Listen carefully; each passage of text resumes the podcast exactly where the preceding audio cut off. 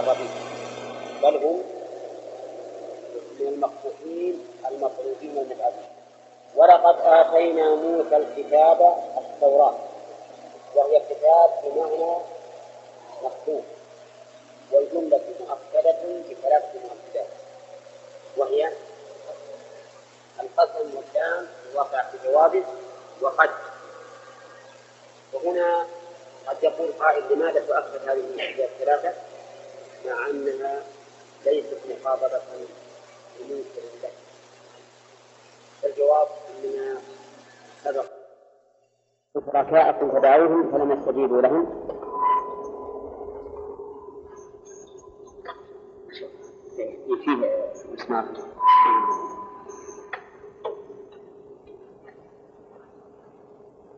قوله تعالى وقيل ادعوا شركاءكم فدعوهم فلم يستجيبوا لهم يستفاد من هذا من هذه الآية بيان أن المشركين لا يستفيدون من شركائهم شيئا في أحوج ما يكونون إليه وذلك يوم القيامة ويستفاد منه ناخذ إظهار الله ولا لا؟ ويستفاد منه أيضا التوبيخ لهؤلاء الذين يدعون مع الله غيره فإن في هذا لا شك توبيخا وتقريعا لهم يوم القيامة ويستفاد منه أيضا جواز التكليف في الآخرة ولا لا؟ التكليف ايش معناه؟ ما لازم عبادة نعم حتى طلب العبادة قد يكون الشرك عبادة قد يكون الشرك عبادة ويكفر به المخالف أولا الشرك قد يكون عبادة يكفر به المخالف فإبليس هنا أن يسجد لآدم فلم يسجد فكفر بذلك مع أن السجود لغير الله شرك فالطاعة ما أمر الله به على أي حال تكون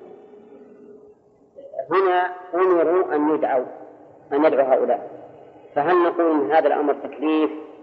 وإلزام لهم أو نقول ليس تكليفا لأنه لا لأنه ليس الغرض الفعل وإنما الغرض التحدي وإظهار حد هذه الأصنام هذا هو الظاهر ومن فوائد الآية إثبات العذاب في الآخرة لقوله ورأوا العذاب ومن فوائدها أن أن الاهتداء هو السبب المانع من العذاب لقوله لو أنهم كانوا يهتدون فإذا أردت سببا ينجيك من عذاب الله فعليك بالاهتداء بهدي الله أو بهدى الله فإنه هو السبب الذي ينجي من عذاب الله وقال تعالى ويوم يناديهم فيقول ماذا أجبتم المرسلين في هذا الآية ويوم يناديهم في هذه الجملة ما سبق في قوله ويوم يناديهم فيقول أين شركائي من إثبات كلام الله وأنه بصوت وأنه يسمع وأنه بحرف ولا لا؟ وكل هذا سبق وقوله ويستفاد من قوله ماذا أجبتم المرسلين أن الناس يسألون عن إيمانهم بالرسل كما يسألون عن التوحيد ماذا أجبتم المرسلين ويستفاد منه أن السؤال في الآخرة عام لجميع الخلق إيه؟ ولا لا ولا نعم؟ المرسلين يعني محمد وغيره أما السؤال في القبر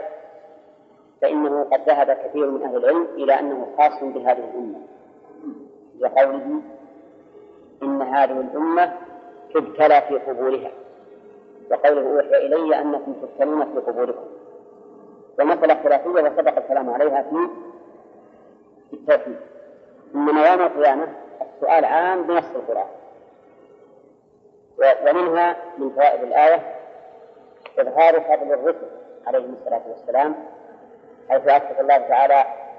أحقية رسالتهم في هذا الموسم العظيم ومن فوائد الآية أن غير المؤمنين تهمى عليهم الأنباء في ذلك اليوم ولو كانوا عاريين ولو كانوا عاريين وهذا كما أن الميت إذا سئل في قبره من ربك وما دينك ومن نبيك ولو كان عالما فإنه إذا كان غير مؤمن لا يجيب بالصواب ومنها أنه لا يغني أحد عن أحد يوم القيامة بقوله فهم لا يتساءلون فإن أحدا لا يغني عن أحد شيئا في ذلك اليوم ولا ينفذ مما نعم، وقع فيه طيب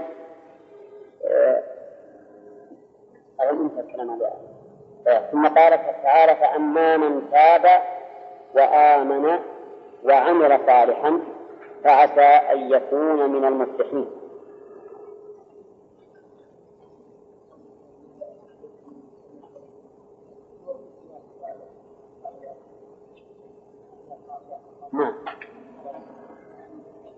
حتى حتى وقالوا غني نبي فاقل مشرك هذا عام كل المسلمين للمشركين ولهذا قال تعالى يسألون من الباس أما المؤمنين فإنهم مؤمنون ما يسألون يكفي سؤالهم بقبولهم وإجابتهم قال فأما من تاب وآمن وعمل صالحا أما شرطية أما شرطية وجوابها قوله فعسى أن يكون قوله فأما من تاب التوبة تقدم لنا أنها الرجوع إلى الله سبحانه وتعالى من معصيته إلى طاعته وأن لها شروطا خمسة الندم والإخلاء والعزم على أن لا يعود وأن تكون قبل الموت وقبل طلوع الشمس من مغربها نعم والإخراج نعم والإخراج وأن تكون في زمن التكليف وهو قبل الموت وقبل طلوع الشمس من مغربها و... وقوله من الشرك لعل المؤلف أوجب له أن يقيد التوبة هنا بالتوبة من الشرك في قوله وآمن لأن الإيمان بعد الكفر فإن العاصي مؤمن ولو كان عاصيا فهذا هو الذي أوجب للمؤلف أن يقيد التوبة من الشرك وقوله وآمن صدق بتوحيد الله هذا نقص في تفسير الإيمان لأن الإيمان ليس هو التصديق في الشرع صحيح أن الإيمان في اللغة يراد به التصديق لكنه في الشرع هو ايش؟ التصديق شرط أن يتضمن الإذعان القبول والإذعان فلا بد من قبول وإذعان وإلا فليس بمؤمن لا يصدق فأبو طالب مثلا مصدق برسالة الرسول صلى الله عليه وسلم ومع ذلك فهو كافر لأنه لم يقبل ولم يذعن وقول المؤلف صدق بتوحيد الله أيضا فيه خصوص لأنه ليس ليس الإيمان هو أن تصدق بوحدانية الله لكن أن تصدق بكل ما يجب الإيمان به وقد بين الرسول صلى الله عليه وسلم أن أن الإيمان أن تؤمن بالله وملائكته وكتبه ورسله واليوم الآخر والقدر خيره وشره فلا بد من هذه الأركان الستة في الإيمان وقوله وعمل صالحا قال المؤلف أدى القراءة وفي هذا أيضا التشويق بل المراد عمل صالحا أي عمل عملا صالحا يشمل الفرائض بعد والنوافل والعمل الصالح هو الذي جمع بين أمرين الإخلاص والمتابعة لقوله تعالى وما أمروا إلا ليعبدوا الله مخلصين له الدين حنفاء نعم مخلصين له الدين حنفاء مخلصين له الدين هذا الأحداث حنفاء هذا المتابعة لأن الحنيف الذي ليس بمائل ومن خرج عن المتابعة فهو مائل فالعمل الصالح إذا كل عمل تضمن ايش؟ الإخلاص والمتابعة ضده الفاسد وهو الذي اشتمل على الشرك أو على البدعة على الشرك أو البدعة هذا ليس بعمل صالح من جمع هذه الأوصاف الثلاثة فعسى أن يكون من المفلحين فعسى عسى من أفعال لا رد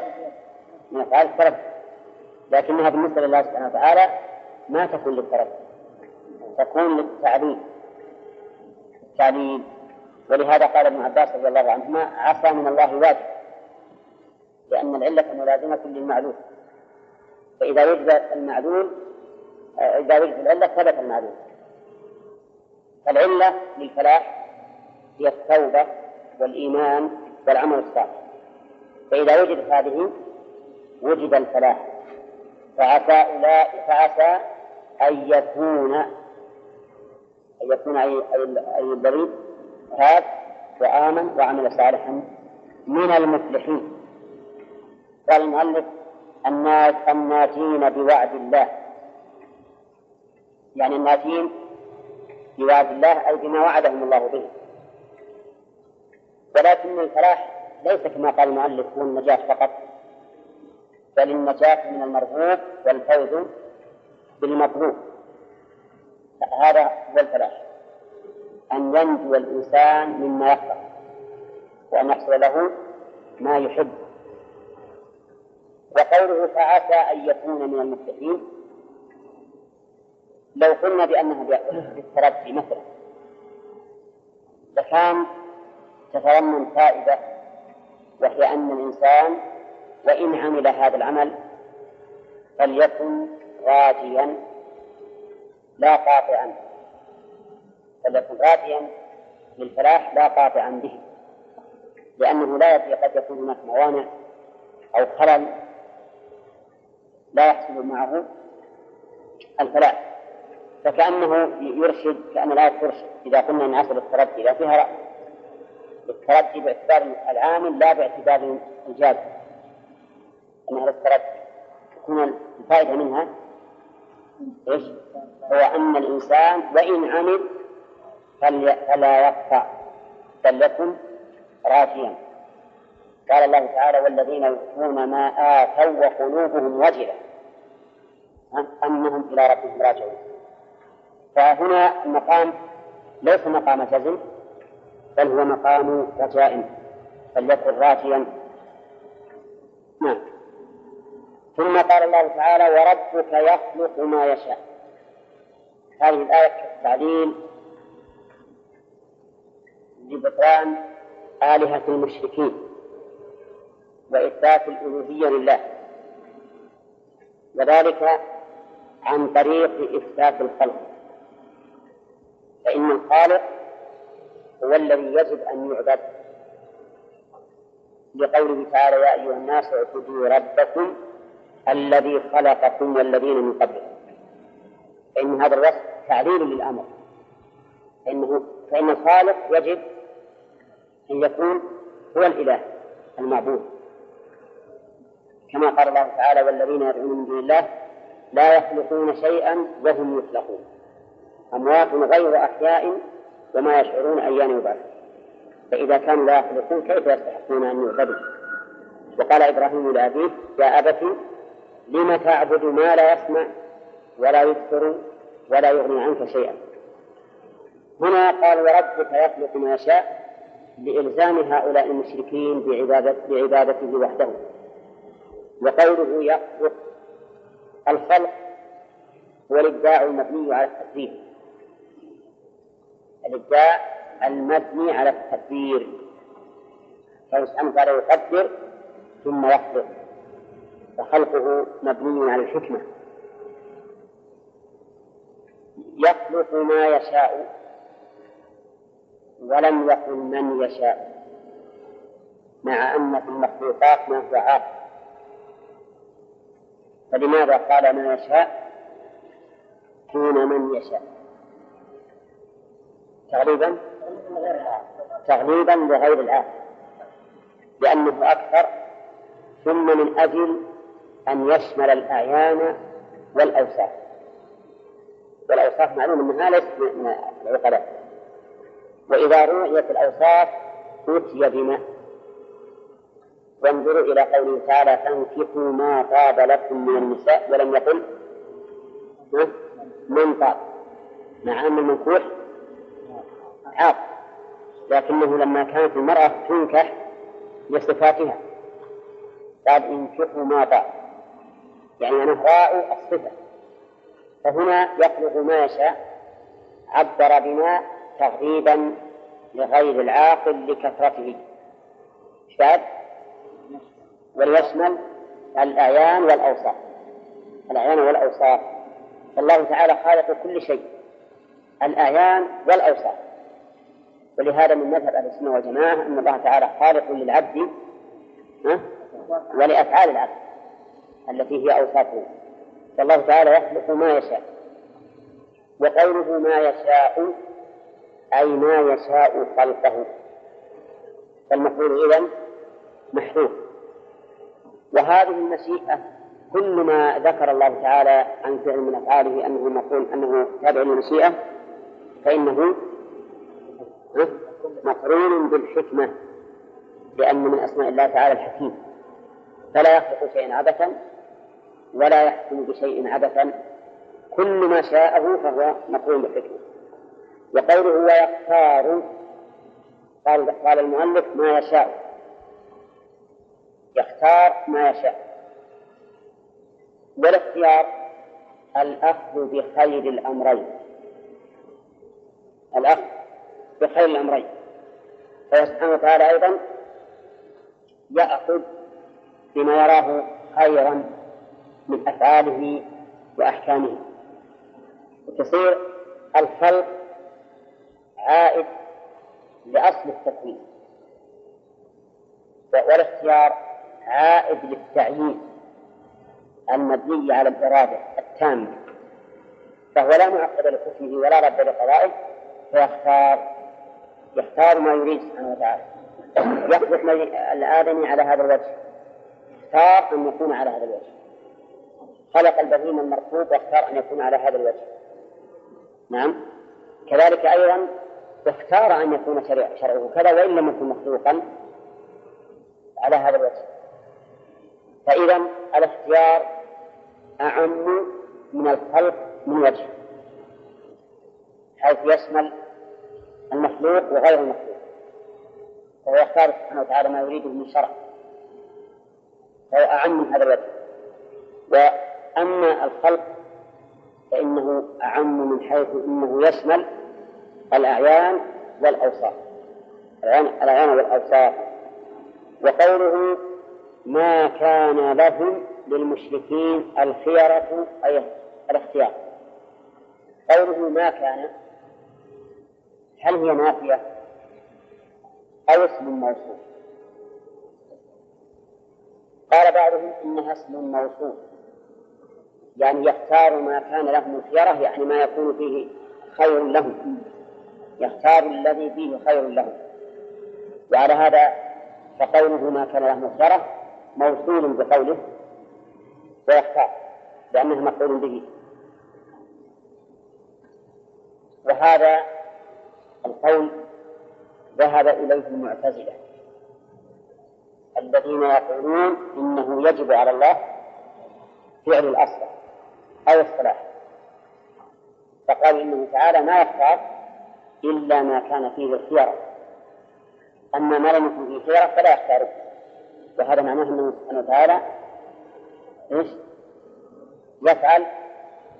ما هو أصلح أو ما هو صلاح ولكن أكثر المفسرين وعلى رأسهم ابن عباس رضي الله عنهما يقولون إنما نافية ما نافية وكما قال المؤلف والمعنى لا لا يكون الخيار لهؤلاء المشركين ولا لعابد الأصنام أيضا نعم لهؤلاء المشركين ولا ولا لأصنامهم أيضا فأصنامهم لا تخلق ولا تختار وكذلك هم ليس لهم حق الاختيار فيما أراد الله وهذا القول هو الصواب وعلى هذا فيكون الوقت على قوله ويختار تقف ثم تبدأ ما كان لهم الخيرة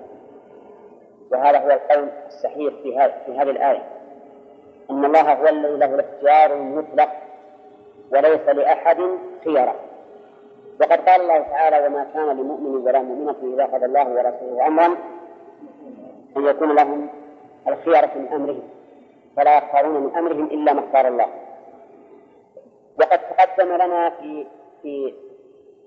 في كتاب تفسير العقيدة تفصيل القول هل يجب على الله فعل الأصلح والصلاح أو لا يجب وذكرنا أنه واجب بمقتضى الحكمة واجب عليه بمقتضى الحكمة وليس بمقتضى عقولنا فإن الله تعالى بمقتضى كونه حكيما ما يفعل إلا ما هو صالح أو أصلح لا يمكن أن يفعل ما ليس بصالح ولا أصلح لأنه حكيم ولكن هل معنى ذلك أننا نحن نوجب على الله ونقول هذا أصلح من هذا ويجب أن يفعل كذا لا ولكنه سبحانه وتعالى يفعله وقد لا نعلم نحن بوجه الأصلحية أو بوجه الصلاحية ما يجب أن نعلم وكم من كثير وكم من أشياء نظن أن الحكمة في مخالفة ما أمر الله به أو ما وقع الشرع قدرا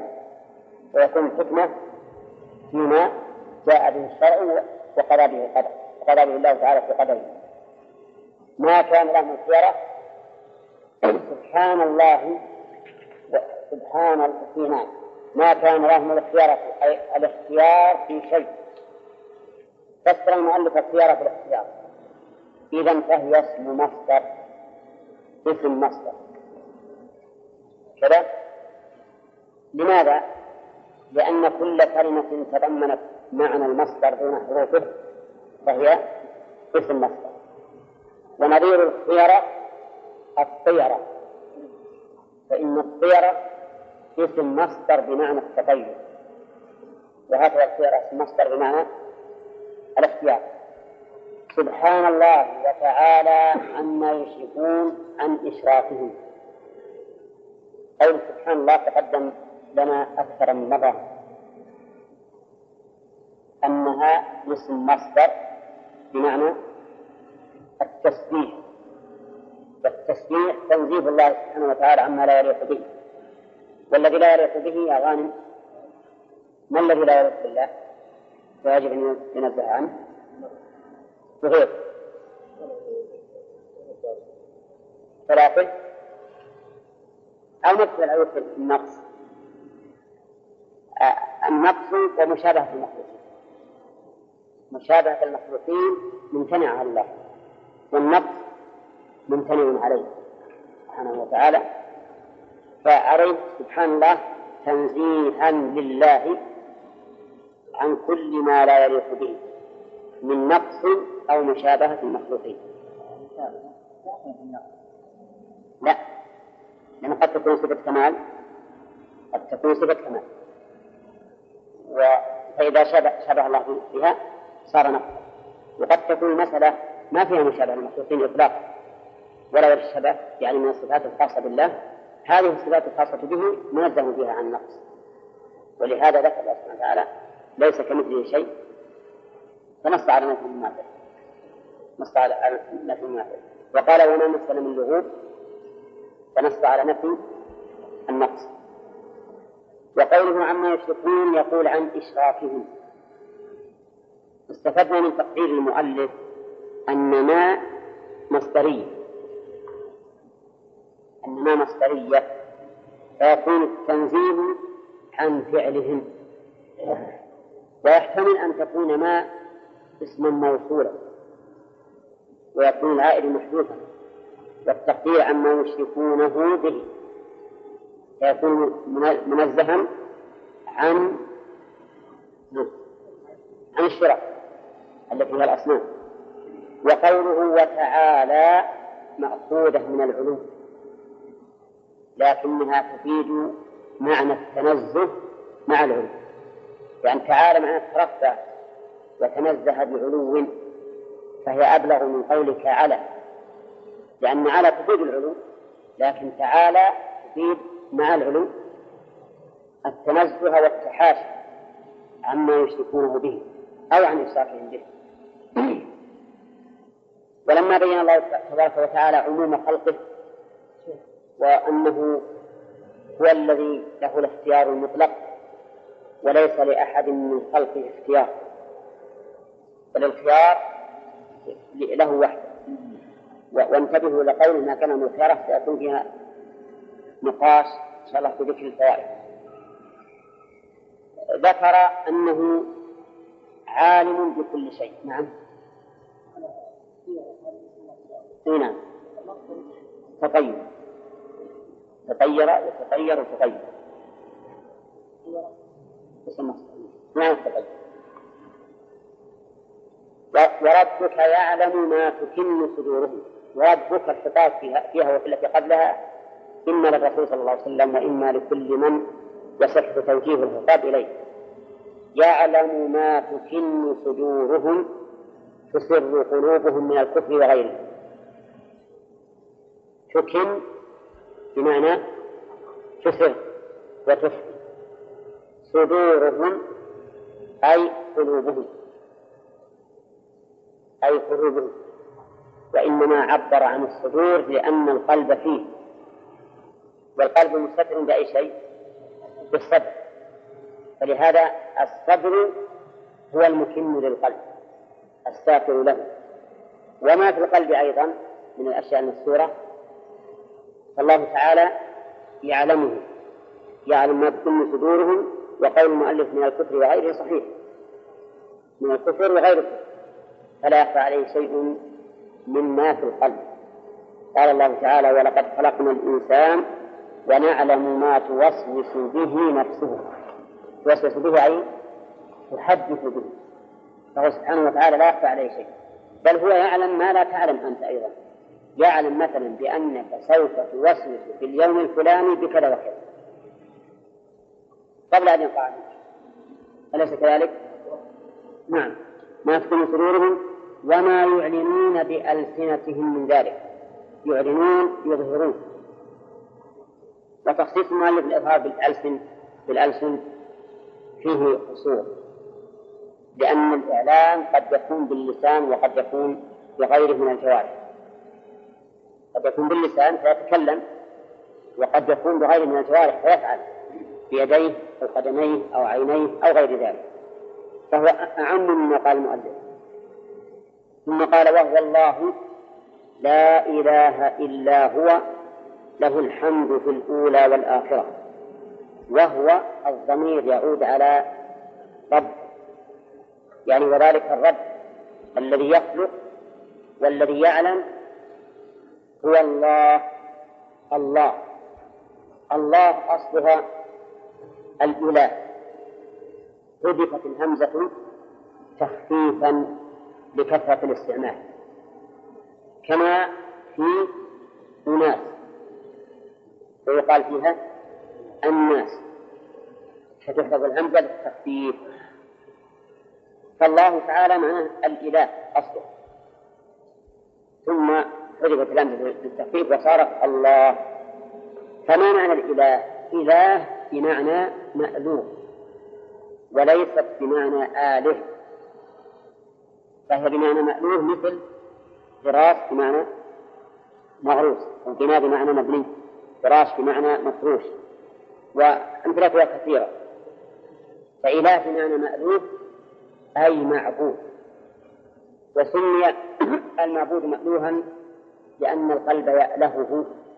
يأله أي يميل إليه وتجدون أن إله أله موافقة في الاشتقاق الأصغر لأهل ولا لا؟ موافقة في الاشتقاق الأصغر لأهل لأن فيها الهمزة والهاء واللام ففي الألوهية وهي العبادة نوع من التأهل والاطمئنان لأن الآلهة للشيء نعم مطمئن إليه الآلهة للشيء الآلهة له مطمئن إليه فإذا الإله بمعنى المعبود لأن العابد يألهه أي يميل إليه ويطمئن إليه فله معنى وليس الإله بمعنى الآله حيث قال المتكلمون إن الإله بمعنى الآله أي القادر على الاختراع يعني القادر على الخلق لكن هم عندهم تعبيرات فلسفية القادر على الخلق لو فسرنا الإله بمعنى القادر على الخلق لكان المشركون الذين قاتلهم النبي عليه الصلاة والسلام موحدون ولا لا؟ لأنهم يقولون لا خالق ولا قادر على الخلق إلا الله ولا ريب أن هذا يؤدي إلى إبطال الرسالة والتوحيد ومن ثم نعلم خطأ بعض المؤلفين الآن في التوحيد حيث يركزون على توحيد الربوبية ويتناسون توحيد الألوهية وهذا خطأ عظيم لأن التوحيد ليس الإقرار بالخالق والاعتراف به فقط إذ أن هذا حاصل من المشركين الذين استباح النبي عليه الصلاة والسلام دماءهم وأموالهم لكن الإله بمعنى المعبود وهو أمر فوق القادر أو الخالق طيب ويقول تعالى لا إله إلا هو لما قرر ألوهيته بصيغة الجملة الاسمية وهو الله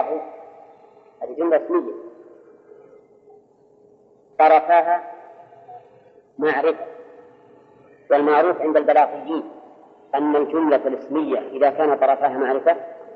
فإنها تفيد الحصر نعم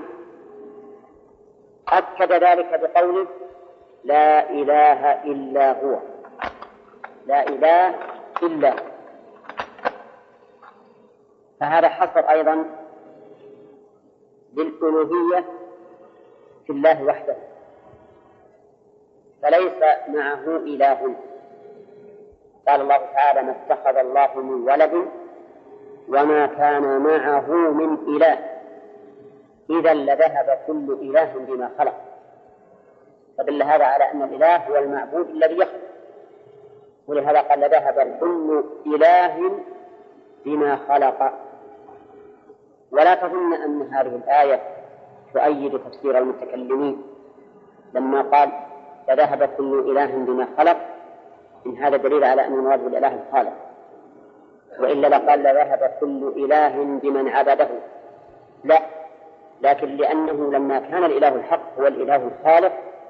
قال لذهب كل إله بما خلق وهنا الحصر حقيقي ولا إضافي؟ لا إله إلا الأصر الأصل الأصل الحصر حقيقي الأصل الحصر حقيقي وقد يشتبه على بعض الناس فيقول إنه إضافة وذلك لأن هذا الحصر إذا إذا جعلناه حقيقيا يشكل عليه كثيرا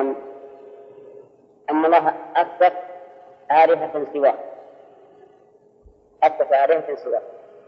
حيث قال فما أغنت عنهم آلهتهم التي يدعون من دون الله من شيء فما أغنت عنهم آلهتهم التي يدعون من دون الله من شيء وقال سبحانه وتعالى عن إبراهيم أنه قال لقومه أئفكا آلهة دون الله تريدون أئفكا آلهة دون الله تريدون وكذلك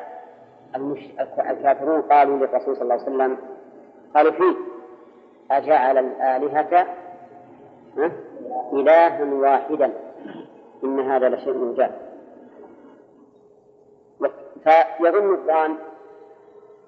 أننا لا يمكن أن نجمع بين هذه الآية وبين إثبات ألوهية الأصنام إلا إذا جعلنا الحصر إيش؟ إضافيا بمعنى أننا نثبت ألوهية لكن على وجه آخر ويكون النفي هنا على وجه آخر مخالف لما أثبت فنقول في ذلك أصل الإله حقا هو الخالق الإله حقا هو الخالق وأما هذه الآلهة التي عبدت من دون الله فهي آلهة باطلة كذب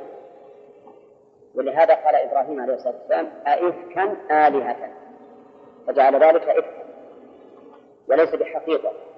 فهي وإن عبدت وألهت فليست بآله ولهذا تجدون أن الرسول صلى الله عليه وسلم كل منهم يقول لقومه اعبدوا الله ما لكم من إله غيره ما لكم من إله غيره يعني من إله يعبد ويستحق أن يعبد يعبد بحق سوى الله عز وجل وقال تعالى لو كان هؤلاء آل إنكم وما تعبدون من دون الله حصبوا جهنم أنتم لها واردون لو كان هؤلاء آلهة ما وردوها ايش معنى آلهة؟ أي معبودة بحق ولا هم ولا أفرض العباد أفرض الله لها لها العباد إنكم وما تعبدون من دون الله حصبوا جهنم على هذا نقول إن الجمع بين هذا الحصر وبين ما ذكر من إثبات الألوهية للأصنام هو أن الإله هو المعبود بحق هذا الإله والمعبود بحق وهذا لا ينطبق إلا إلا على الله سبحانه وتعالى وأما ما عبد بغير حق فهو وإن سمي إلها لكنه لا يستحق أن يكون إلها وكما قال الله لو كان هؤلاء آلهة ما وردوها وكل فيها خالدون آه، وقول لا إله إلا هو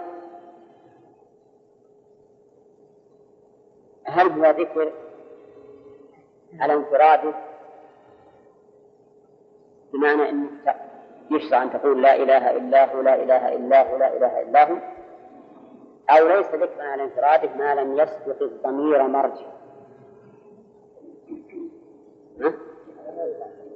هذا هو المتعين ما يمكن تقول لا إله إلا هو إلا إذا سبق للضمير إلا إذا سبق لهذا الضمير مرجع مذكور أو ملحوظ نعم مذكور مثل الله لا إله إلا هو أو ملحوظ مثل أن يأتي شيء من أفعال الله فتقول لا إله إلا هو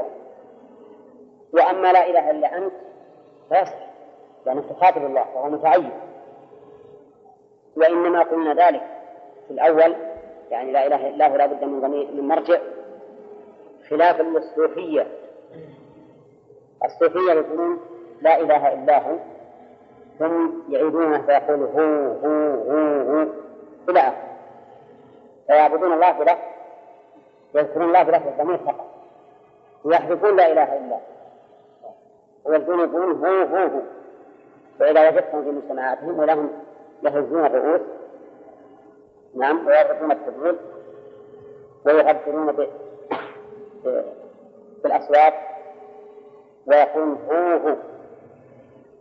وربما يجرحون أنفسهم من شدة الانفعال والغيبوبة نسأل العافية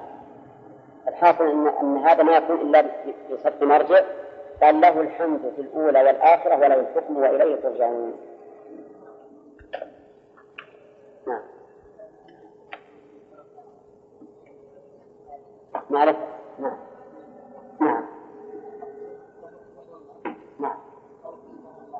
ما لا هو الله تاب وآمن وعمل صالحا فعسى أن يكون من المتقين في هذا فضيلة هذه الأوصاف الثلاثة التوبة والإيمان والعمل الصالح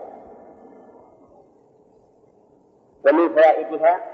أن هذه الأوصاف الثلاثة سبب للفلاح كقول التعافى أن يكون من المصلحين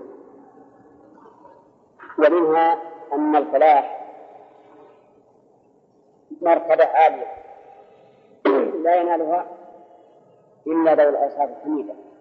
التائبون المؤمنون العاملون صالحا ومن فوائد الآية أن العمل لا ينفع إلا إذا كان صالحا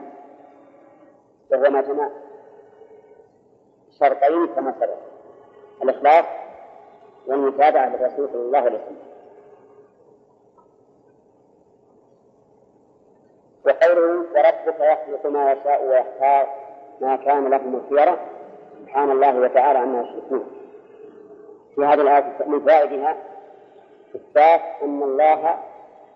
وحده هو الذي يخلق بقوله ما كان لهم الخيرة لأن من لا اختيار له طبعا لا خلق له ومنها أن الله تعالى قادر على كل شيء لأن من يقدر ما يشاء معناه أنه قادر كل شيء يريده يخلق ومنها إثبات الإرادة لله سبحانه وتعالى بقوله ويختار نعم والإرادة هنا الشرعية ولا الكونية؟ ها؟ كلام إن نظرنا إلى قرنها بالخلق قلنا هي الكونية وإن نظرنا إلى لفظها بقطع النظر عن اقترانها بالخلق قلنا إنها شاملة للكونية والشرعية لأنه سبحانه وتعالى يختار كونا وشرعا ما يشاء وهذا أولى العموم أولى أن تكون شاملة إلى اختيار الكوني والشرعي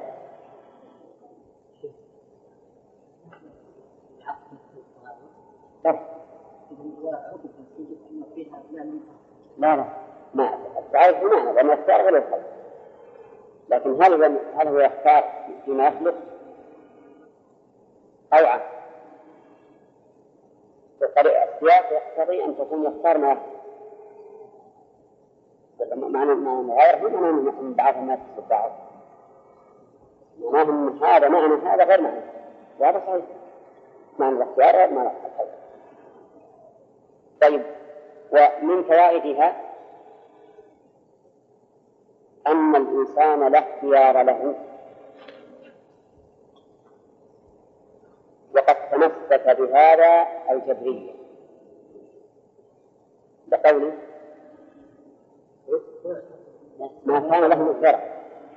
كان لهم الخيرة فقالوا هذا هذه الآية تدل على أن الإنسان ما له خيار وأنه مجبر على فعله والجواب على ذلك أن يقال ما كان لهم الخيرة المطلقة يعني التي تكون بدون بدون الله فالله يختار وهم يختارون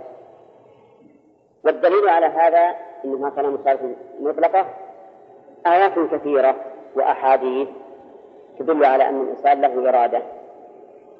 منكم من يريد الدنيا ومنكم من يريد الآخرة لمن شاء منكم أن يستقيم نعم فهو سبحانه فأثبت الإنسان مشيئة وأثبت له إرادة والواقع يشهد بذلك ولا لا؟ الواقع يشهد بذلك والإنسان يفرق بين الفعل الاختياري والفعل غير الاختياري أليس كذلك؟ فالإنسان إذا نزل من السطح بالدرج نزوله اختياري ولكن إذا دفعه أحد من أهل الدرجة وصار يتدحرج نزوله غير اختياري فإذا قوله ما كان لهم الخيرة النفي هنا مسلط على أي شيء على مطلق الخيرة ولا على الخيرة المطلقة ها؟ على الخيرة المطلقة التي لا تعارض هذا نوع من الإنسان بل الإنسان مدبر وله إرادة وأما أن يكون نفيا لمطلق الخيرة فهذا لا يمكن لأن الآيات والواقع يشهد بأن للإنسان خيرة أليس كذلك؟ هما العلماء يقولون آه، في كثير من الكفارات يخير بين كذا وكذا طيب نعم. طيب ومنها أيضا ومن فوائدها انفراد الله تبارك وتعالى بالإرادة المطلقة ولا مطلق الإرادة؟ بالإرادة المطلقة لا معقب لحكمه ولا رد لقضائه ومنها تنزيه الله سبحانه وتعالى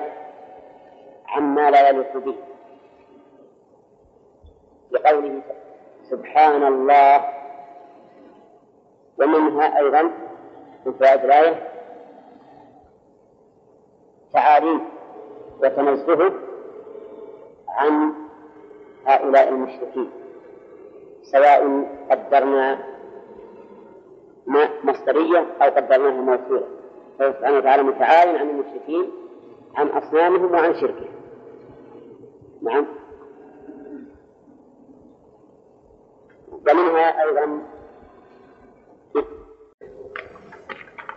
أن الإنسان إذا قد إنسان ثبت عليه غرامة ورحمة الله صار من الزنا وإحسان من السرقة وإحسان من شرب الخمر فهذا في الحقيقة عائد للمصاب فإذا نزه الله نفسه عن ذلك عن النقص فالمعنى أن هذه الأسنان ناقصة وربك يعلم ما تكن صدورهم وما يعلنون في هذا إثبات العلم لله وأنه شامل لما يقر وما يعلم ومن فوائدها التحذير والترغيب التحذير والترغيب كيف التحذير والترغيب؟ تحذير الإنسان أن يضمر أو يعلن سوءا لأن الله يعلم به وترغيبه في أن يضمر أو يعلن خيرا لأن الله يعلم به والله يعلم ما أمر من خير أو شر معناه أنه لم يضيع معناه أنه لم يضيع فهو معلوم كما قال الله تبارك وتعالى في آيات كثيرة أنه يعلم ويخبر يوم القيامة بما عمل هؤلاء ففي ترغيب وتحذير فمن أضمر خيرا وأعلمه فهو له ترغيب ومن أضمر شرا أو أعلمه فهو له تحذير ثم قال تعالى وهو الله لا إله إلا هو له الحمد في الأولى والآخرة وله الحكم وإليه ترجعون هذه الجزء بدأت قال الله تعالى له الحمد له الجار المشهور خبر مقدم وتقديم ما حقه التأخير يفيد الحصر فله وحده الحمد في الأولى والآخرة أما غيره فليس له الحمد الذي يستحقه الله لا في الأولى ولا في الآخرة وقوله الحمد أل هذه الاستغراق أي جميع أنواع الحمد وما وما يتعلق به من خير أو شر الله تعالى له الحمد كله فهو الذي لا يحمد على سوء سواه نحمد على كل حال كما قال النبي عليه الصلاة والسلام الحمد لله على كل حال وقوله له اللام هنا هل هي للاختصاص أو للاستحقاق؟ قولوا هي للاختصاص ولا للاستحقاق؟ نعم الاستحقاق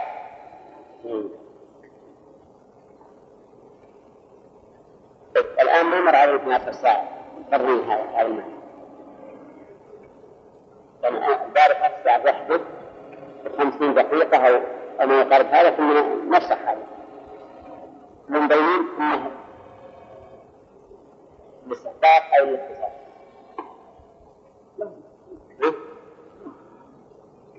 نسيته؟ لا لا يعرف الله يعرف اللام نقرر انها الاختصاص ولا الحمد المطلق مختص بالله والمستحق للحمد حقيقة هو الله لأن غيره وإن استحق أن يحمد فإن ما أتى به من أسباب الحمد هو من الله سبحانه وتعالى وغايه ما يكون أن يكون وسيلة أن يكون وسيلة فالإنسان مثلا يحمد على ما له من الصفات الكاملة والإحسان إلى الخلق وما أشبه ذلك لكن هذا مين؟ من هذا اللي حصل من الله إذا فالحمد حقيقة لله فالذي يستحق الحمد هو الله والذي يختص بالحمد المطلق على جميع الأحوال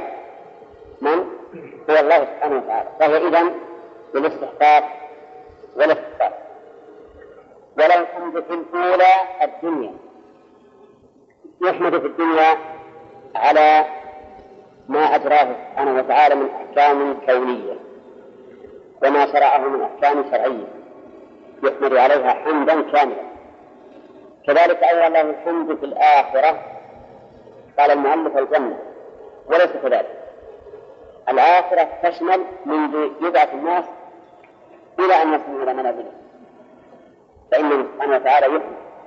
بل إن الله تعالى يفتح على نبيه في ذلك اليوم من المحامد ما لم يفتحه عليه من قبل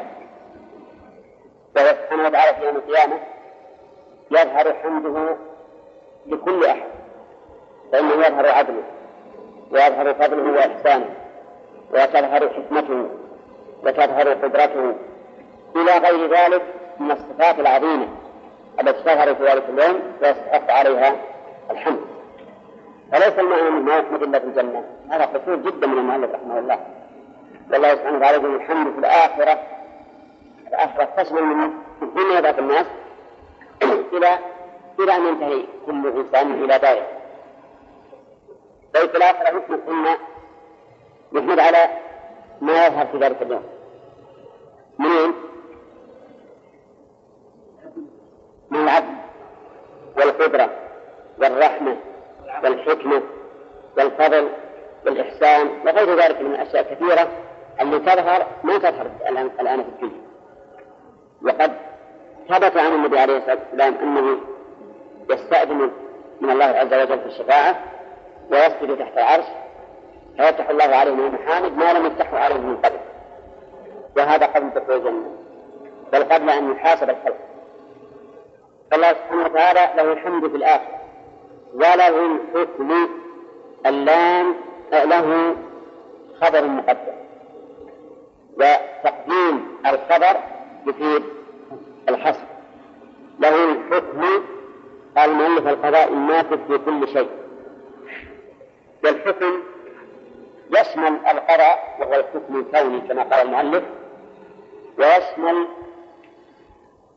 الحكم الشرعي يشمل الحكم الشرعي فالحكم لله قضاء وشرعا نعم لا حاكم الا الله سبحانه وتعالى فمن ابتغى الحكم من غيره يظل من ابتغى الحكم من غير الله فانه يظل ومن اتبع عبد الله فانه لا يظل ولا يشقى وهنا ذكرنا ان تقديم الخبر يفيد الحصر لأن الحكم لله وحده وهو كذلك إذا كان المراد الحكم المطلق الحكم المطلق الحكم المطلق لله ما يشاركه أحد هو الذي يوجب الشيء ويحرمه ويندب إليه ويبيحه وكذلك في الأمور الكونية هو الذي ينزل الغيث وهو الذي يزيل القحط وهو الذي يحيي ويميت ويرزق كل هذا من الأحكام الكونية طيب هل أحد نازع الله في هذين الحكمين؟ نعم نازع الإنسان نازع ربه في الحكم الكوني وفي الحكم الشرعي نعم ففيه مثلا من أثبت مع الله خالقا وفيه من, من زعم أنه رب يتصرف كما يشاء والمخالفات الشرعية والمخالفة للحكم الشرعي أكثر وأبين فما أكثر الذين يشرعون ويرون أن تشريعاتهم نافذة كشرع الله أو أعظم وهؤلاء سبق أنهم كفار حتى لو صلوا وزكوا وصاموا وحجوا فهم كفار وكذلك أيضا من نازع الله في الحكم مثل من؟ نعم، مثل فرعون لأنه نازعه في الحكم القدري وقال يا أيها الملأ ما علمت لكم من إله غيري وقال أنا ربكم الأعلى هذا الحكم المطلق فهمنا أنه لله لكن هل هناك حكم مقيد؟ هناك نعم، في حكم مقيد لكنه بأمر الله ولهذا نحن نرى في كتب أهل العلم يذهبون إلى الحاكم وقال الحاكم الشرعي وبإذن الحاكم وما أشبه ذلك هذا الحكم الذي يتبينه هذا هذا الإنسان مقيد ولا ولا غير مقيد؟ مقيد محصور مقيد بأن يكون تحت حكم الله محصور في مكان معين وفي زمن معين فإذا الحكم المطلق بمن؟ الله عز وجل في الدنيا وفي الآخرة وأما الحكم المقيد فهذا يكون لغير الله مثل ايش؟ مثل ما يقول العلماء الحاكم الشرعي ويقضي بينهم الحاكم وما أشبه ذلك هذا الحكم مقيد في زمانه ومكانه ونوعه أما في الزمان فمعلوم مقيد هل الحاكم الشرعي هذا يبقى أبد الآبدين؟ لا في مكانه أيضا هو ما يحكم إلا في بقعة من الأرض ما يحكم في الأرض وفي السماء في نوعه لأنه مقيد بأن يكون تحت حكم الله ما حكم مطلق يكون تحت حكم الله فلا يملك أن يغير شيئا من أحكام الله سبحانه وتعالى ولو الحكم وإليه ترجعون إليه أيضا قدم المعمول لأن إليه متعلقة بإيش؟ نعم ترجعون وتقديم المعمول يدل على الحصر فالرجوع إلى الله مهما طالت الدنيا ومهما بعيد الإنسان ومهما كان الإنسان أيضا فإن مرجعه إلى الله قال المؤلف وإليه ترجعون بالنشور بالنشور النشور متى يكون؟ يوم إيه؟ القيامة الناس بل كل الخلائق مرجعها إلى الله سبحانه وتعالى وذلك في يوم القيامة ما تفوت ما يبقى شيء لا يحصى حتى النمل كل شيء كل شيء يحشر حتى يتبين أن الأمر كله مرجوع إلى الله عز وجل قل لأهل مكة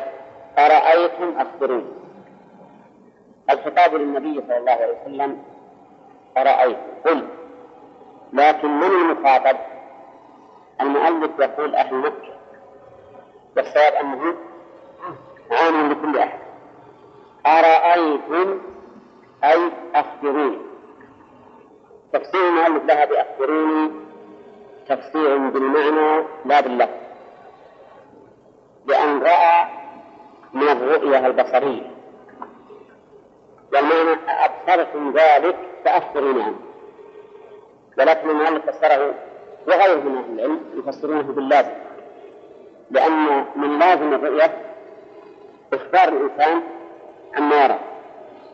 أه، أرأيت رأيتم يقولون إنها تنسب مفعولين هنا مع العلم أنهم يقولون بصريا تنسب مفعولين المفعول الأول قد يكون موجودا وقد يكون محذوفا وأكثر ما يأتي محذوفا ولكنه قد يكون موجودا مثلا قل أرأيتم ما أنزل الله لكم من رزق فجعلتم من الحرام وحلالا قل آه الله أذن لكم هنا المفعول الأول موجود ما أنزل الله قل أفرأيتم ما تدعون من دون الله أروني نعم قل أرأيت ما تدعون من دون الله أروني ماذا خلقوا من الأرض إلى آخره هذا المفعول الأول محدود هنا أرأيتم إن جعل الله المفعول أول مفعول كما قلنا أرأيتم مفعول بلا المفعول الأول قلنا إيه؟ موجود إيه؟ أرأيتم ما تدعون مفعول هو المفعول الأول هنا أرأيتم إن جعل الله المفعول الأول محذوف والتقدير أرأيتم حالكم يعني أخبرونا عن حالكم ماذا تكون بل انه حصل كذا وكذا فالمفهوم الاول محذوف وجملة من إله غير الله في محل نصب هي المفعول الثاني في المفهوم الثاني أرأيتم إن جعل الله عليكم الليل سرمدا دائما جعل بمعنى خير فمفهومها الأول الليل ومفهومها الثاني سرمدا إن سير الله عليكم الليل سرمدا والليل من غروب الشمس إلى طلوعها هذا الليل يعني معناه اختفاء الشمس في الأفق هو الليل وظهورها هو النهار والنور التي الذي يخطفها بعد الغروب أو يتقدمها بعد قبل الفجر بعد الفجر هذا من مقدمات النهار أو من مؤخراته وإلا في حقيقة الأمر أن الليل يكون بغروب الشمس إلى طلوعه وقوله سرمدا قيل إن أصلها سردا والسرد التتابع يعني متتابعا وقيل إن وعلى هذا التقدير فالنون زائدة ويكون وزنه الصرفي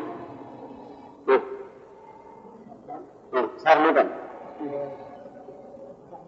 فعملا فعملا لأنه النون زائد يقول إن النون أصلية وأنها من صرمت إذا استمر وعلى هذا أصلية فيكون وزن صافي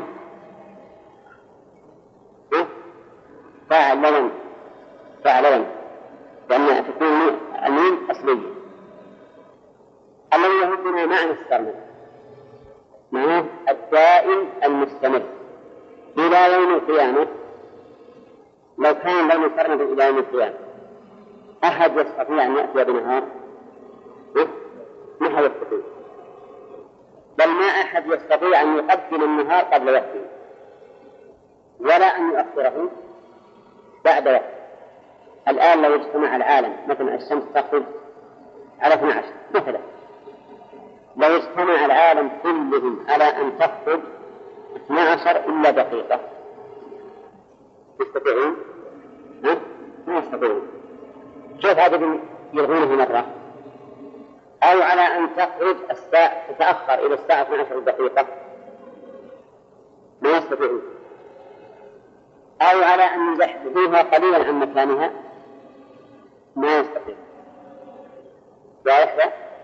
طيب إذا أن ما يستطيع يغيرها لا زمانا ولا مكانا ما يستطيع أن أن يجلبها ويأتي بنهار أبدا ولهذا قال سبحانه وتعالى من إله غير الله بزعمكم يأتيكم بغياء نهار تطلبون فيه المعيشة من مبتدأ وإله خبره وغير الله صفته ويأتيكم حال حال من إله يعني بوصف يعني أي إله يأتيكم في غياب وقال المؤلف على زعمكم هذا ما يقبل له إلا إنسان فاهم في اللغة العربية لأن من يستفهم بها عن التعيين يستفهم عن التعيين فتقتضي التعدد لأن التعيين إنما يطلب متى؟ عند التعدد إذا تعدد الأشياء في التعيين فإذا قلت من قام من قام فأنا الآن أثبت بهذا الاستفهام أن عددا من الناس قد قام ولكني استفهم عن تعيين هذا القائد فإذا قيل من إله غير الله معناه الآن أثبت, في الآية أن هناك آلهة والمطلوب من المطلوب من إيش؟ التعيين عينوا للإله الذي يأتيكم عينوا لي الإله الذي يأتيكم طيب هل حقيقة الأمر أن هناك آلهة متعددين؟ ولهذا قال المؤلف مسلم قال مسلم يعني إذا كنتم تزعمون أن هناك آلهة فمن فمن الإله الذي يأتيكم بغياب؟ ولكن هذا أبلغ في التحدي لو قال هل إله غير الله؟ هل إله؟ صار هنا الاستفهام عن وجود إله لا عن تعيينه لا عن تعيين إله لكن الاستفهام عن تأويله أبلغ حد يعني حتى على زعمكم أن هذه آلهة فإنه يتحداكم أين الإله الذي يأتي بهذا الشيء إذا قلتم الله ما عندنا أحد من الآلهة يفعل هذا تبين أن ألوهيتها باطلة لأن الإله لابد أن يكون قادرا سميعا بصيرا إلى آخر السبب الكاملة الظاهر مستلم بالله الإنجليزية الآن ولا إيه؟ يعرف؟ يعرف من يطلب بها التعيين من متعدد يطلب بها التعيين من متعدد وهنا من إله يقتضي هناك آلة متعددة وهذا ليس على حقيقته بل على زعم ايش؟ هؤلاء المشركين زعمه فيه اله مستحق وإذا كان كذلك على من مساق العبادة فلتكن قادرة إذا لم تقدر فليست مستحقة للعبادة يأتيكم بغياء ألبى هنا للتعبية يعني يجلب إليكم الغياء وقال غياء لأنه علامة النهار بل إنه هو النهار الرياء يعني. أما علامته أو هو هو النهار أفلا تسمعون ذلك سماع تفهم فترجعون عن الإشراك أفلا تسمعون يعني أصممتم أصمت آذانكم فلا تسمعون والمراد بما تسمع هنا إيش؟ سمع التفهم الذي يرتدع به المرء عن غيره أما مجرد سمع الإدراك لما فيه مسموع سمع الإدراك هنا قد يقول قائل لماذا لم يقل أفلا تبصرون؟ لأن النهار هو ومحمد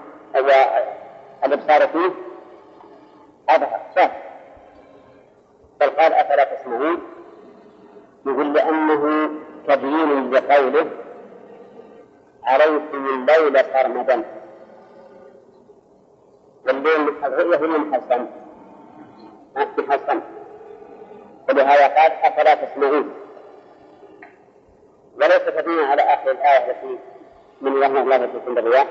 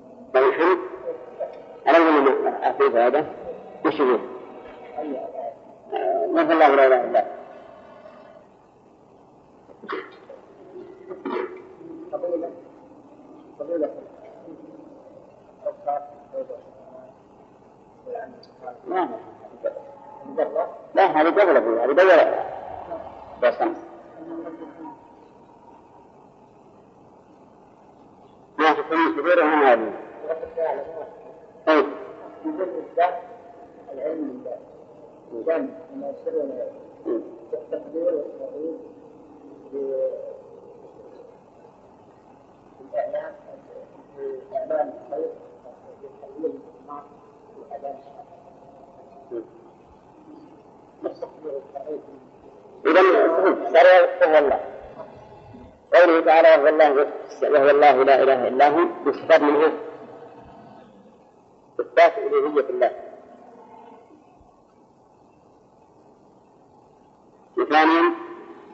انفراده بالالوهيه بقوله وهو الله لا اله الا هو الفائده الثالثه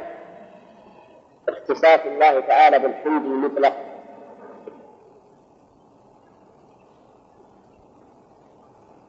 لله الحمد بالحمد يطلق الشامل بالدنيا والآخرة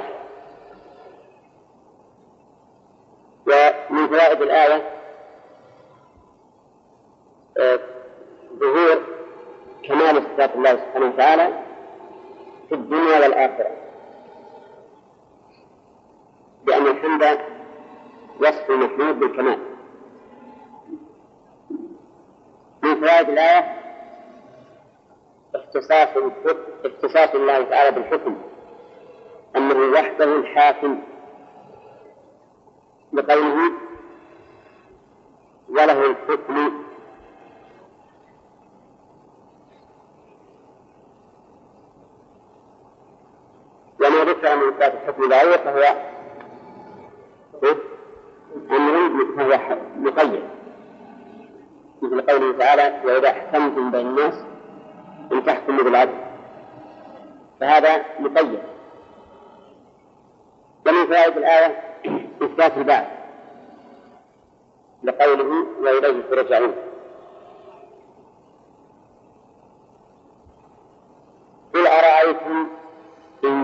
الله عليكم الليل سرمدا إلى يوم القيامة إلى آخره من فوائد الآية تحدي هؤلاء المشركين أن تكون أصنامهم جالبة للخير أو دفعة للشر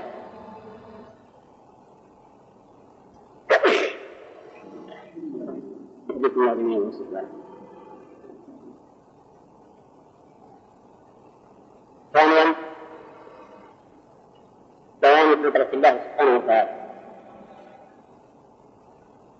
لا يجوزه أن يجعل الليل سرمدا إلى يوم القيامة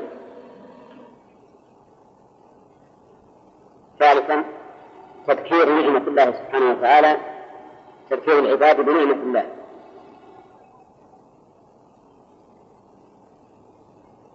فإن الأشياء إنما تتبين بضدها نعم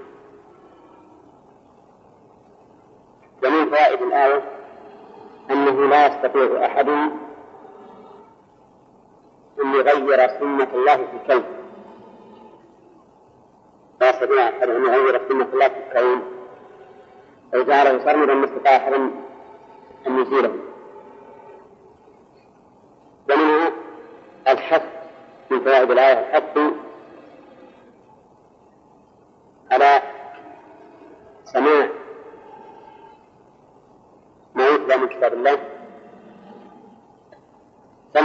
يقول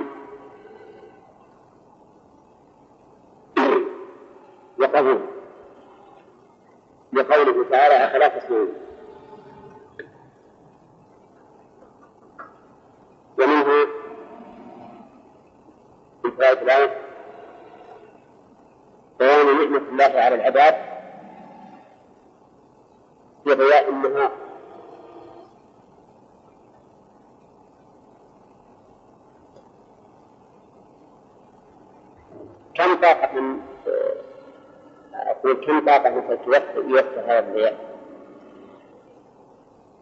إيه؟ إيه؟ ما يسقط يعني يسقط الآن مثلا كل الإضاءة اللي في الليل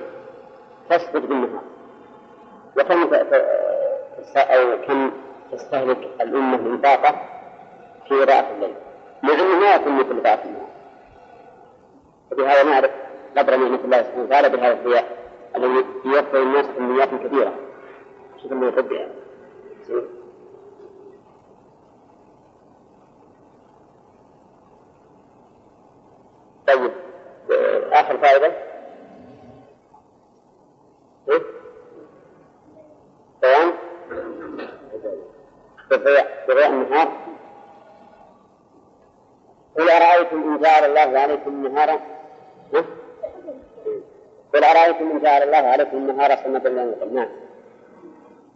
قوله تعالى إن جعل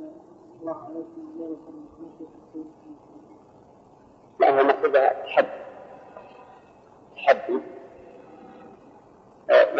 قال الله تعالى قل ارايت إن جعل الله عليكم النهار سرمدا إلى يوم القيامة من إله غير الله يأتيكم بيوم تسكنون فيه أفلا تبصرون هذه الآية يستفاد منها ما يستفاد من غاية ما لها إلا أن فيها زيادة آه، وهي بيان نعمة الله سبحانه وتعالى يستفاد من من الآية ما يستفاد مما قبلها فيما اتفقتا فيه ومنها بيان نعمة الله تعالى في الليل الذي جعله سكنا بقوله في ليل تسكنون فيه ومنها أن نوم الليل أفيد للجسم من ميل النهار حيث جعل الليل محل السكن ويقتل وهذا أمر مشاهد ومنها الحث على التبصر في آيات الله سبحانه وتعالى بقوله أفلا تبصرون فإن هذا يفيد حتى الإنسان على أن يتبصر فيما جعل الله سبحانه وتعالى في هذه الآيات حتى يستدل بها على كمال قدرة الخالق طيب أما كلام صفات الله لما أشبه فقد سبق نبدأ الآن قال تعالى ومن رحمتنا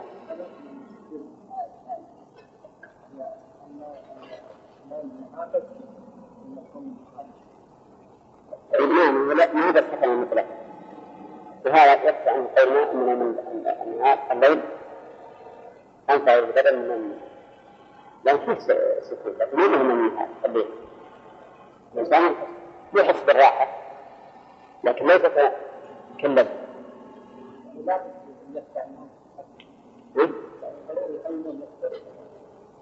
ما هذا مثال اللي ما ما عرف ذلك كل هذا من يسكت من ذلك أما هذا مع القلق صار سؤال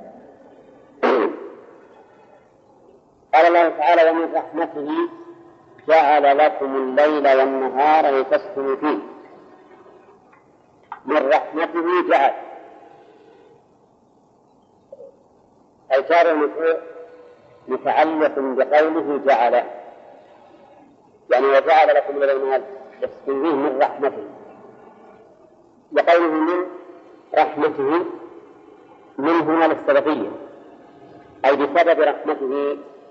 أي بسبب ما اتصف به سبحانه وتعالى من الرحمة والرحمة صفة حقيقية ثابتة لله سبحانه وتعالى وهو غير الإرادة غير إرادة الإنعام وغير الإنعام فأهل السنة والجماعة يقولون إن الرحمة صفة حقيقية ثابتة لله عز وجل لا تشبه رحمة المخلوق وأما الأشاعرة فيحرفون معنى الرحمة إلى أنها الإنعام أو إرادة الإنعام فيفسرونها بالفعل وهو الإنعام أو إرادته لأنهم يثبتون الإرادة وهو صفة معنوية يثبتونها وقد مر علينا أنهم لا يثبتون من الصفات إلا سبع صفات منها الإرادة فيفسرون الرحمة بإرادة الإنعام لماذا؟ قال لأن الإرادة دل عليها السمع والعقل ونحن لا نثبت من صفات الله إلا ما دل عليه العقل فأما ما لم يدل عليه العقل فإنه يجب علينا أن نؤوله ونحن نقول نحرفه على كلام على فعله هم يسمونه تأويلا ونحن نقول هو تحريف فيقولون ما دل عليه العقل من صفات الله التكليف وما لا فإنه يجب أن نؤوله وبالمعنى الأصح أن نحرقه فهمت يا جماعة؟ فقد وش دليل العقل على إرادة على الإرادة؟ يقولون إن العقل يدل على الإرادة بواسطة التخصيص تخصيص المخلوقات كل شيء من المخلوقات خصص بشيء ولا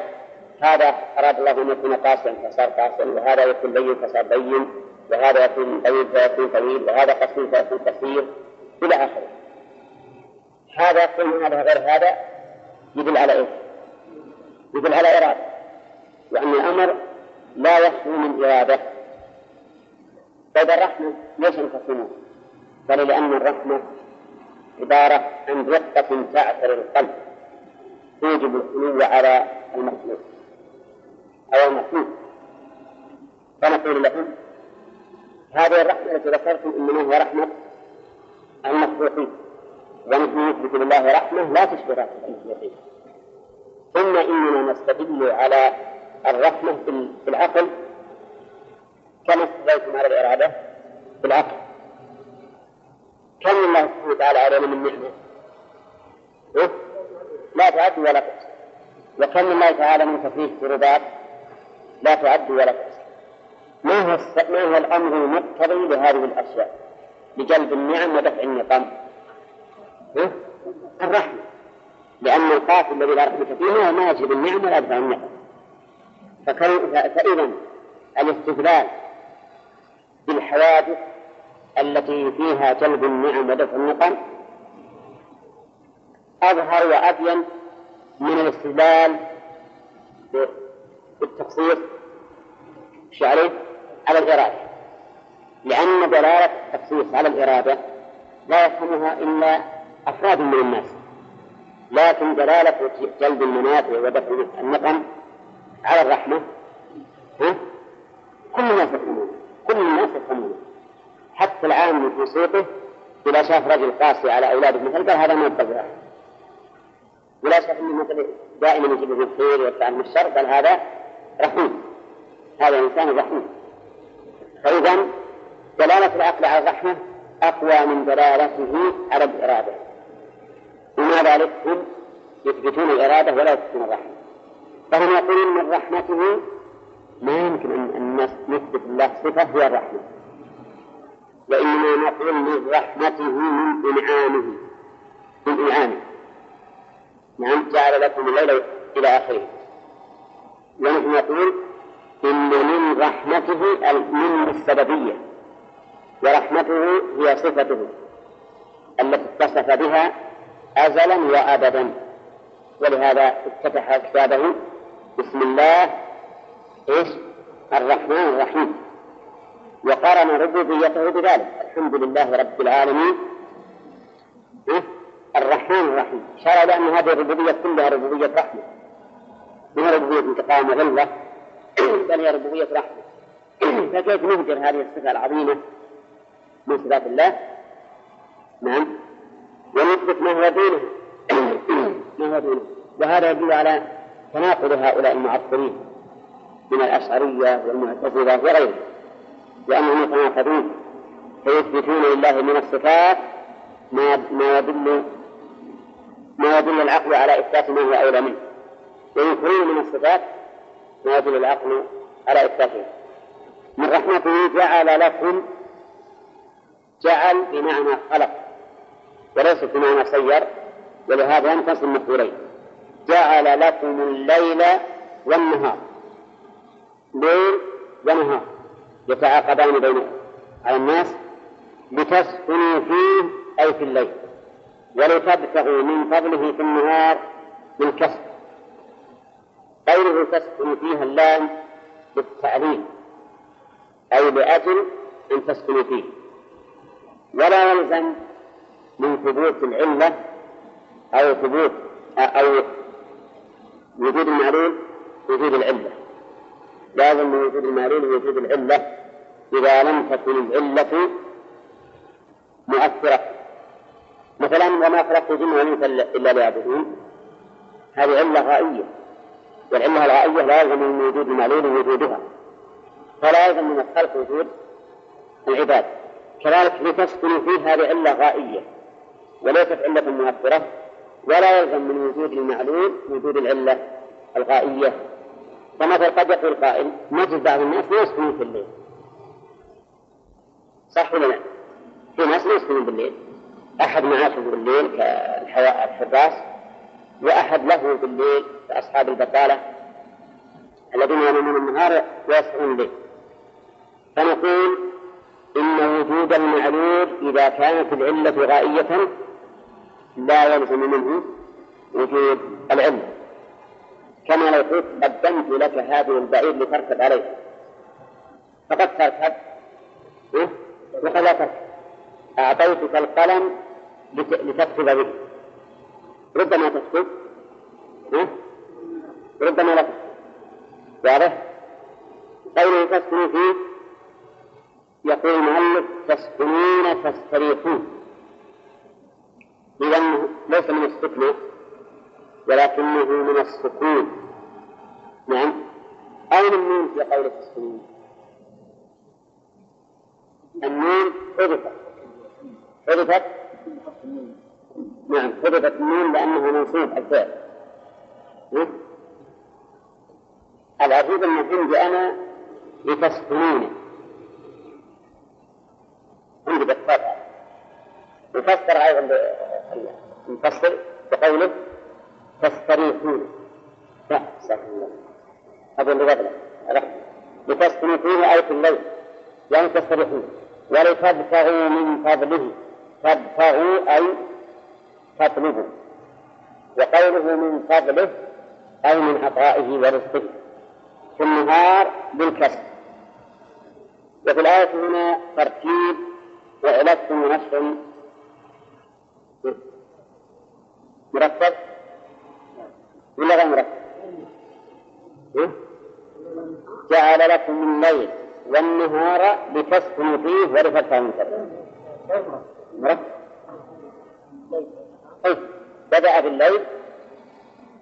نعم وقدم منفعة الصبح وهذا في الليل ففيه رفع نفس مرتب الليل والنهار لتسكنوا فيه ولتبتغوا من فضله لتسكنوا فيه ولتبتغوا من فضله ولعلكم تشكرون لعل هذه للتعليل أو لأجل أن تشكر الله سبحانه وتعالى على نعمته فهذا ذكر الله سبحانه وتعالى العلتين الكون الشرعية والقدرية أما القدرية فهي يا غانم العلة القدرية في خلق الليل والنهار لتسكن فيه ولتبتغوا فيه والعلة الشرعية ولعلكم تشكرون تشكرون الله سبحانه وتعالى على ما أنعم به عليكم من تعاقب الليل والنهار لأن الأشياء تتبين بضدها لو كان الذي في رمضان لما هذا في ما كان أحد يستريح يستريح الليل ولا يبتغي الفضل بالنهار ولكن الله سبحانه وتعالى جعل ذلك لأجل الراحة مع أن هناك فوائد أخرى غير مسألة تسمية فيها بالثاني ذلك ذكرها الله في سورة الفرقان وهو الذي جعل الليل والنهار خلفة لمن أراد أن يذكر أو أراد شكورا وفي الحديث الصحيح أن الله تعالى يبسط يده بالليل ليتوب مسيء النهار ويبسط يده بالنهار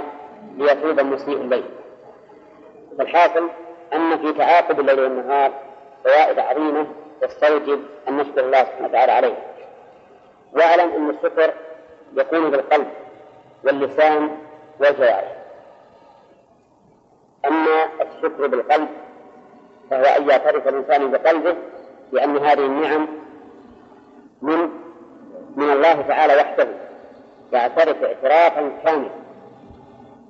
حتى لو أن هذه النعم جاءت عن سبب فلا أعتقد أن السبب من من الله هو الذي أوجده فحصلت به هذه النعمة وأما الشكر باللسان فإنه الثناء على الله تعالى بما يستحق سواء على هذه النعمة أو غيرها فالثناء على الله بما يستحق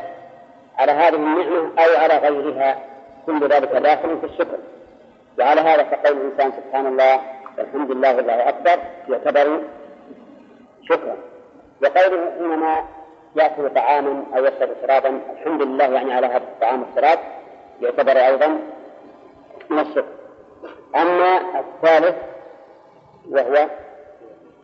الجوارح فهو أن يقوم الإنسان بطاعة الله سواء تتعلق بهذه النعمة أو لا